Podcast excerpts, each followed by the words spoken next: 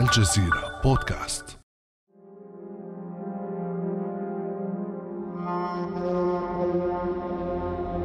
أول إشي كان يهددني بالسكينة بده يقتلني وكنت أترجى مشان الله. أنا مش عامل لك إشي يعني يستاهل تذبحني.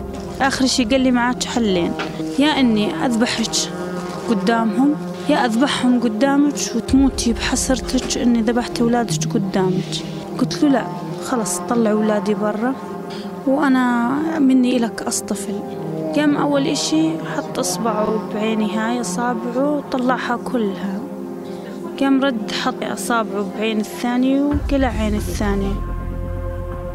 هذه فاطمة امرأة جرش بالأردن التي فقأ زوجها عينيها بسبب خلاف أسري.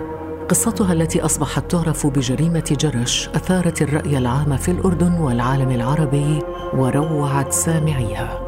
أمثال فاطمة من النساء اللواتي يتعرضن للعنف يعد بالملايين. فالأرقام التي قدمتها الأمم المتحدة السنة الماضية صادمة ومخيفة. ما يقارب 750 مليون فتاة في جميع أنحاء العالم يتم تزويجهن قبل بلوغهن سن الثامن عشر. 100 مليون امرأة وفتاة يخضعن لتشويه أعضائهن التناسلية 71%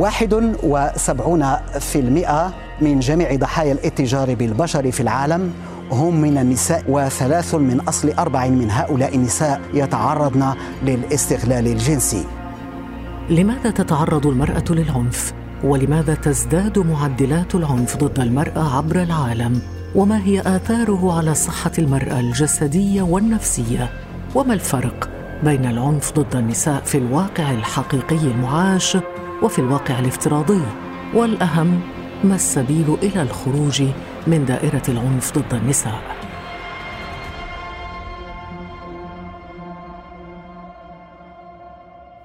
بعد أمس من الجزيرة بودكاست أنا خديجة بن جنة.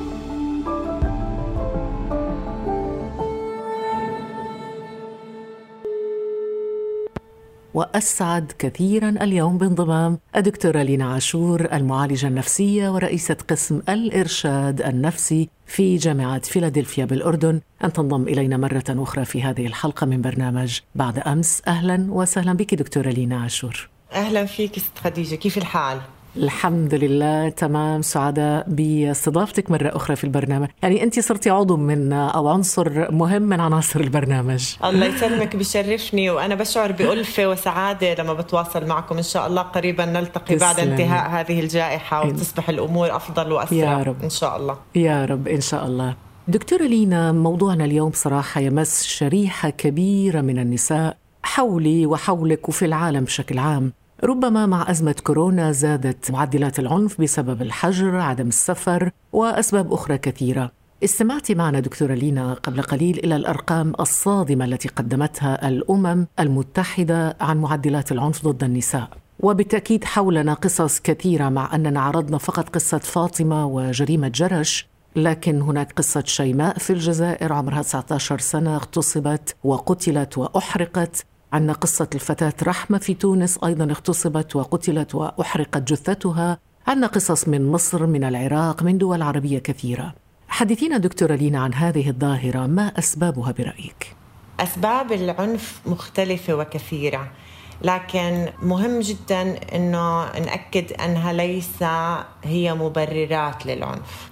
لا يوجد مبرر على وجه الأرض للعنف ولكن الأسباب ممكن تكون نفسية يعني ممكن الأشخاص هدول بيعانوا من اضطرابات نفسية معينة. ولو إنه الإحصائيات بتقول إنه الأشخاص اللي بتعرضوا للتعنيف ممكن إنهم يكونوا معنفين ولكن ليس دائما. دوافع اقتصادية طبعا زي مشاكل الحياة المادية ضغوطات الحياة الأعراف الاجتماعية الثقافة الاجتماعية عدم وجود توازن في القوى الذكورية بمفهومها الخاطئ بمعنى إنه بما إني أنا رجل معناها مسموح لي الأشياء التي لا تسمح لغيري. سنعود إلى بقية الأسباب دكتورة لينا لكن الآن وقفتي على سبب سميتيه أنت القوة الذكورية. أنطونيو غوتيريش يتحدث فعلا عن هذا السبب كسبب رئيسي يسميه باختلال القوة بين الإناث والذكور. دعينا نستمع إلى ما يقوله.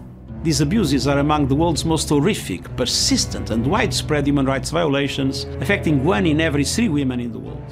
العنف الجنسي ضد النساء والفتيات يستمد جذوره من هيمنة الذكور التي دامت قرونا من الزمن ويجب الا يغيب عن ذهننا أن أوجه عدم المساواة بين الجنسين التي تغذي ثقافة الاغتصاب هي في الأساس مسألة اختلال في موازين القوة تتفقين معه دكتورة؟ العنف سببه الهيمنة الذكورية كما قال غوتيريش؟ الهيمنة الذكورية قد تكون أحد أسباب العنف ولكنها ليس السبب الوحيد هلأ الهيمنة الذكورية بدنا نفهم إيش محتواها مضمونها. هل مجرد أن الرجل عنده أداء جسدي أقوى من المرأة عشان هيك بنسميها هيمنة ذكورية؟ هل لأنه متمكن من مواقع القيادة والسياسة ووضع القوانين؟ أحيانا تفسير خاطئ للدين. الدين حمل المرأة أنا بعتقد بطريقة ممتازة. الأسباب اللي حكيناها كلياتها أسباب قد تساهم ولكنها مش السبب الرئيسي. لما نقول القوانين الصعوبات الاقتصادية الاجتماعية هاي كلياتها عوامل محركة ولكن الأساس هو أنه في أشخاص عندهم اضطرابات نفسية أو اضطرابات في الشخصية زي الشخصية اللي بنسميها ضد المجتمع أو اللا اجتماعيه هدول الأشخاص في في سيكولوجيتهم اضطراب معين هو اللي بيكون محرك أساسي لظهور السلوك العنيف. نعم اذا هو تقاطع ربما دكتورة كما ذكرتي بمجموعة من الأسباب ولكن بما إنه أنت دكتورة لينا اختصاصك نفسي علم النفس. ربما تلاحظين أنه في معظم الأحيان العنف ضد المرأة يرتكب على يد الزوج أو أقرب الناس إلى المرأة من يعني قريب في الأسرة أخ زوج أب ما السبب الذي يدفع عددا كبيرا من الأزواج أو الأقرباء إلى تعنيف أقرب الناس إليهم؟ يعني هذه هي المشكلة إنهم زي ما ذكرتي تعنيف أقرب الناس إليهم العنف الشريك أو العنف المنزلي بسموه بظهر بأشكال متعددة مش شرط يكون يظهر بشكل عنف جسدي أو جنسي أغلبه بكون نفسي أو لفظي. وبكون سببه إنه أنا كشخص موجود في هذا المكان عايش حياتي خلينا نقول إذا قام به الرجل هناك على فكرة عنف ضد الرجال بس محدود جدا. سواء بإساءة لفظية أو جسدية على فكرة بس محدودة خلينا نقول جدا. مقابل العنف ضد المرأة اللي بكون مسهل إنه يحصل. شعور المرأة للأسف يعني المرأة الغير متمكنة من ذاتها اللي تعليمها أقل اللي وضعها الاقتصادي الاجتماعي أقل. هل تدخل في هذه الخانة دكتورة لينا المرأة التي لا تعمل غير المستقلة اقتصاديا وماديا هل في هذه الخانة تدخل حالة فاطمة سيدة جرش طبعا. التي فقأ زوجها بالمناسبة هو ابن عمها؟ فقأ عينيها الاثنتين في البيت مع وجود الأولاد هذه جريمة من أبشع الجرائم اللي لسبب أسري ربما بسيط لا يستحق كل هذا الترويع إلى أن تصل حدود اقتلاع الأعين. أو فقئها مثلاً؟ هاي الجريمة كانت من الجرائم الكتير مؤلمة اللي ألمتنا بشكل شخصي لأنها حصلت هون بالأردن. ويعني صار عندنا تراما أو صدمة كلياتنا كمجتمع. هذه الحالة هي حالة نموذج لامرأة داخلة في دائرة العنف. ما كانش أول عنف موجه إلها هذا العنف اللي كان من قبل زوجها. سبقه ضرب وإهانة عبر السنين لكن لسبب أو لآخر مرتبط بدوائر العنف اللي دخلتها فاطمة. ما خرجت من الزواج لأنه لا تعمل ولا تستطيع أن تتكفل بمعيشتها أو معيشة أبنائها. أو الدور المتوقع من المرأة اللي هي بتفرض أحيانا الأعراف الاجتماعية أنه المرأة الجيدة هي المرأة اللي بتتحمل كل الصعوبات وبتبقى برغم أي شيء بتحافظ على بيتها. هذا اللفظ اللي أحيانا نسمعه. المطيعة والصبورة أيوة. والتي تتحمل كل الأوضاع. نعم. لكن دكتورة لينا لو فصلنا قليلا في هذه الأشكال أنت كيف ترين الفرق بين العنف الجسدي والعنف اللفظي والعنف النفسي؟ هل تختلف هذه الأشكال عن بعضها؟ طبيعي تختلف الأشكال عن بعضها لكن أكثرها إيلاما هي العنف النفسي اللي بيكون متضمن في كل أنواع العنف الأخرى هلأ العنف الجسدي ما أعتقد إنه في اثنين بيختلفوا فيه لكن العنف النفسي اللي هو أي عنف ممكن إنه يأثر على مفهوم المرأة لذاتها على شعورها بالأمن والعنف النفسي بيظهر في العنف اللفظي بأشكال مختلفة مش شرط بس من خلال المسبات اللي ممكن يسبها الشخص أو الإهانات. في مفهوم انتشر بسموه جاس لايتنج يعتبر نوع من أنواع العنف اللفظي والنفسي اللي هو فيه تلاعب. بحيث يشعرك الشخص بأنك أقل أو الحق عليك أو مذنبة. نعم ولكن الغريب أنه كل اللي ذكرتيه دكتورة لينا عاشور أنه كل هذه المواصفات وهذه القصص تنطبق أيضا على الجيل الجديد من الشباب. بالمناسبة في المقدمة لما ذكرت أنا بعض الحالات من الجزائر ومن تونس مثل الفتاة رحمة في تونس والفتاة شيماء في الجزائر عمرها 19 سنة. يعني هؤلاء الفتيات اغتصبن وقتلن وأحرقن على أيدي شباب أيضا يعني الشاب الذي قتل شيماء عمره 23 فكيف تفسرين أنه هذا العنف موجود بين شباب؟ مفروض أنه دخل المدارس وعنده دخل يعني أنه ليس ذلك الجيل المحروم الأول اللي تربى على تقاليد ربما تثمن أو تمجد سطوة وسيطرة الرجل في المجتمع. للأسف يعني هذا شيء في منتهى الغرابة لأنه إذا بتطلعي على المنظومة بشكل عام المنظومة الاجتماعية السياسية الأخلاقية في المجتمعات ما هي قائمة بشكل كتير كبير على العنف. يعني عنف تقوم به دول وعنف تقوم به حكومات. يعني بعض إيجابيات المجتمعات في السابق كانت إنه في نظام اجتماعي متكافل ممكن يكون في أشخاص بجرموا أو بمنعوا الإساءات للأبسط أو للأفقر أو للأضعف. حاليا في فردية شديدة. الشعور بالتهديد الدائم الشخص اللي إحنا كأفراد مش بس كمجتمعات عندنا شعور بإنه مهددين إنه إحنا كل شيء بالنسبة لنا حياة أو موت. هذا بخلي في حالة من التوتر وال... والدفاعية الدائمة الموجودة. شبابنا للأسف يمكن تعلموا بس كان في خلل إحنا عملناه أجيالنا والأجيال اللي سبقتنا بإنه إحنا ما ركزنا على مفاهيم أساسية منها احترام الآخر والعنف السايبري أو العنف اونلاين طبعا دكتورة لينا مهم أن نتحدث عن العنف الافتراضي أو السبراني كما ذكرتي ولكن دعينا قبل ذلك نتحدث عن الآثار النفسية على الضحية وهذا من صميم اختصاصك طبعا. هناك آثار مدمرة جسدية نفسية على الضحايا من النساء وربما قصة خديجة السويدي في المغرب وهي التي تعرضت عام 2015 لعملية اغتصاب جماعي من سبعة أشخاص يعني هذه قصة مروعة ومخيفة. خديجة السويدي رغم أنه هذه الفتاة تقدمت بشكوى إلى الشرطة لم تأخذ العدالة مجراها ولم تنصفها أيضا. الأسوأ من كل ذلك أن مغتصبي خديجة السويدي كانوا يهددونها بنشر فيديوهات لعملية اغتصابها. بعد سنة من اغتصابها أشعلت خديجة النار في جسدها. لنستمع إلى القصة على لسان أم خديجة. أنا ما عنديش باش ندير الطبيب النفساني وبنتي وليدي من تكرسوا عليها ما بقاتش بنتي على خاطرها وما بقاتش بنتي كما كانت. عذبوها وتكرسوا عليها بزاف وليدي. تحرقت بنتي عيطوا ليا الشرطة ديال بنقرين نجي عندنا راه بنتك دارت محاوله انتحار راه تحرقت. ومني وليدي دخلت عندها لقيت بنيتي بحال هكا دايره رجيلاتها بجوج الله يرحمها. ودايرين ليها الفاصمه على وجهها وعلى يديها كلها فاصمه مني خرجت من تم خرجت منيسه من بنتي. مني شفت حالتها خرجت منيسه منها. ومني وليدي رجعت ثاني نهار الحد. الحق تما كاين هي قالوا لي بنيتك ماتت الله يرحمها.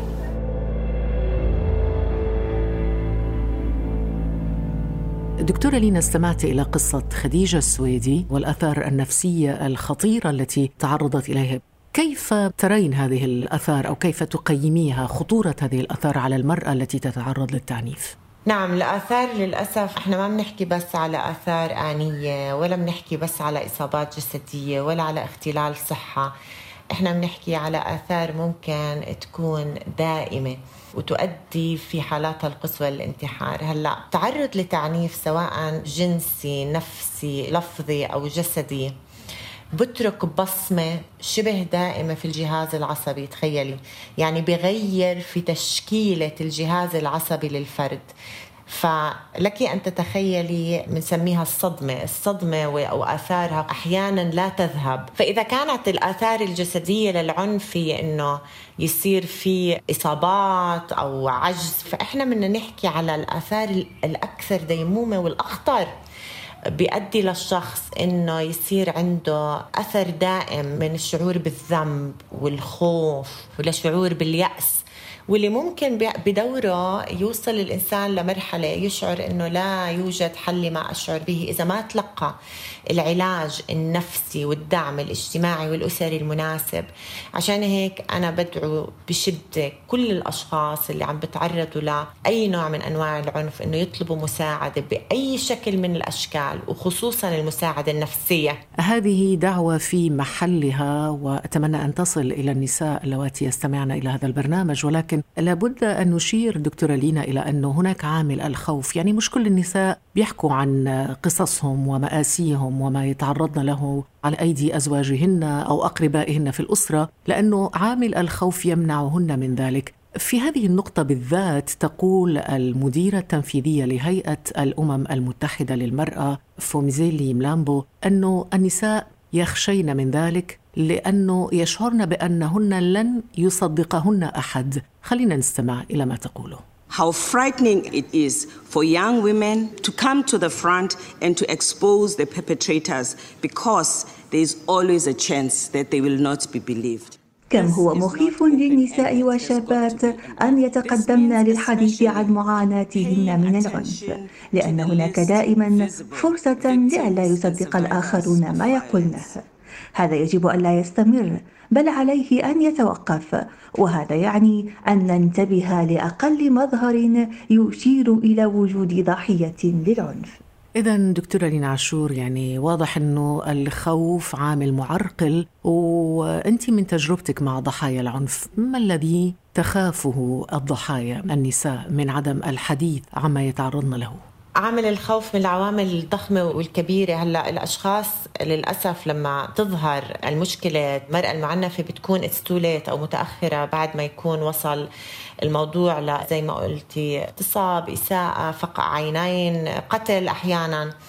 فبالتالي بيكون هذه سبقها خطوات كثيرة من العنف المسكوت عنه.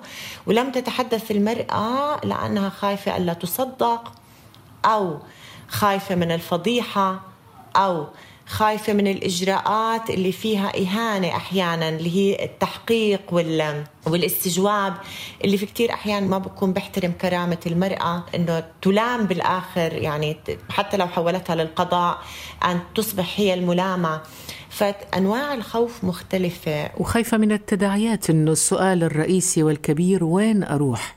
ماذا بعد أن تفصح وخايفة على مستقبلها حتروح؟ خايفة على قبول المجتمع لإلها بعد بعد تصريحها عن العنف قبول أسرتها لإلها.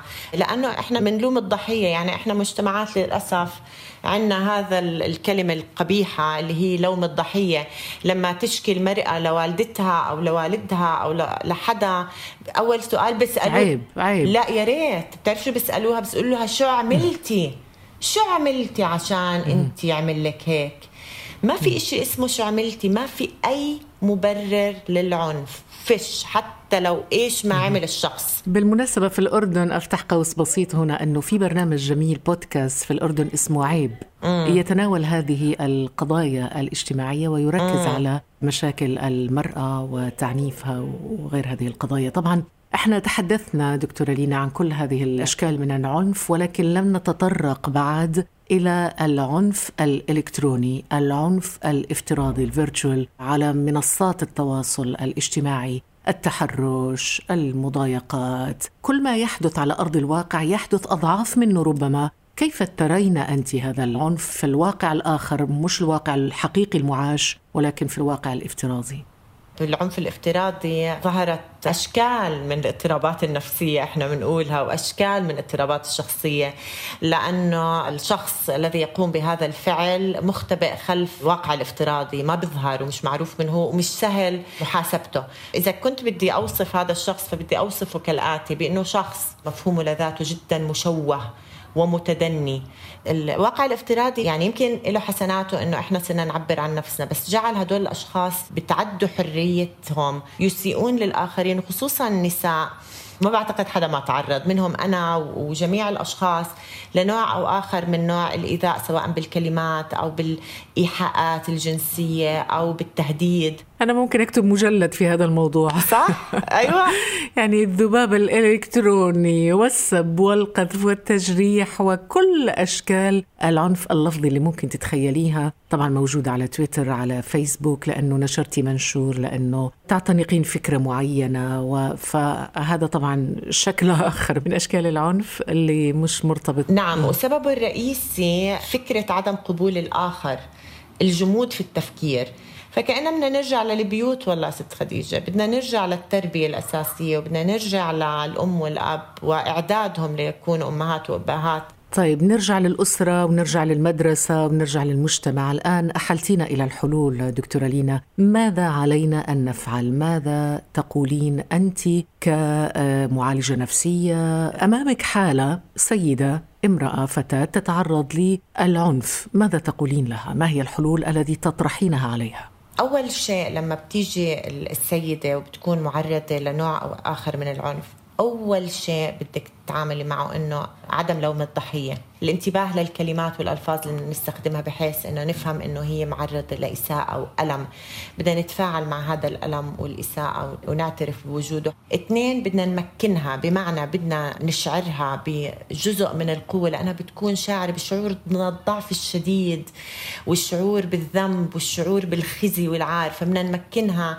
بإنها تفهم إنه مهما كان السبب مش مبرر من نمكنها بأنها تجد مجموعة من الحلول المنطقية اللي بتناسبها علشان تستطيع التعامل مع هذا العنف المعرضه له. نعم، هل تنصحين بدورات التنمية الذاتية مثلا الدخول في مجموعات؟ لأنه كما يقال المصيبة إذا عمت خفت. يعني مثلا ياخذنا دورات في التنمية الذاتية في يعني بناء الذات والثقة بالنفس هذا جزء من التمكين بس مهم إنه تكون الدورات يعني يقوم بها أشخاص مختصين وحاصلين على شهادات في علم النفس وفي الإرشاد النفسي لأنه حيكونوا قادرين على تقديم دعم بشكل جيد لكن مجموعات المساعدة الذاتية من المجموعات اللي كتير ممتازة ونستفيد فهم القانون والاستفادة من التشريعات. أحيانا كتير القوانين بتكون منصفة للمرأة مش مجحفة فبالتالي فهمها للقانون وإحنا إذا بنحكي عن منظومة والله يا ست خديجة بنحكي على كتير أشياء.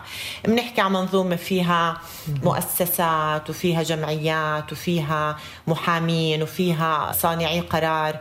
كلياتهم بدهم يتحدوا معا علشان يدعموا هذه السيدة اللي بحاجة ل يمكن تحتاج طولة بال وصبر لأنه المسارات القانونية عادة تكون طويلة وتحتاج نعم. إلى نفس طويل. المنظومة التشريعية والقانونية مهمة جدا طبعا في سياق حديثنا عن الحلول وعدم الإفلات من العقاب. من العقاب. أعتقد أنه هذه النقطة مهمة جدا في سياق الحديث عن الحد من ظاهرة العنف ضد النساء. أشكرك جزيل الشكر الدكتورة لينا عاشور على هذه الدردشة الجميلة والنصائح القيمة للنساء المعرضات للعنف. وأنت المعالجة النفسية ورئيسة قسم الإرشاد النفسي في جامعة فيلادلفيا بالأردن. ألف شكر دكتورة. عفوا تشرفنا. عفوا. وسنعود إليك بالتأكيد إن شاء الله في حلقة مقبلة بإذن الله. بشرفني. تسلمي دكتورة. يمكنكم الاستماع للمزيد من الحلقات الشيقة من الجزيرة بودكاست عبر مختلف تطبيقات بودكاست. كان هذا بعد أمس.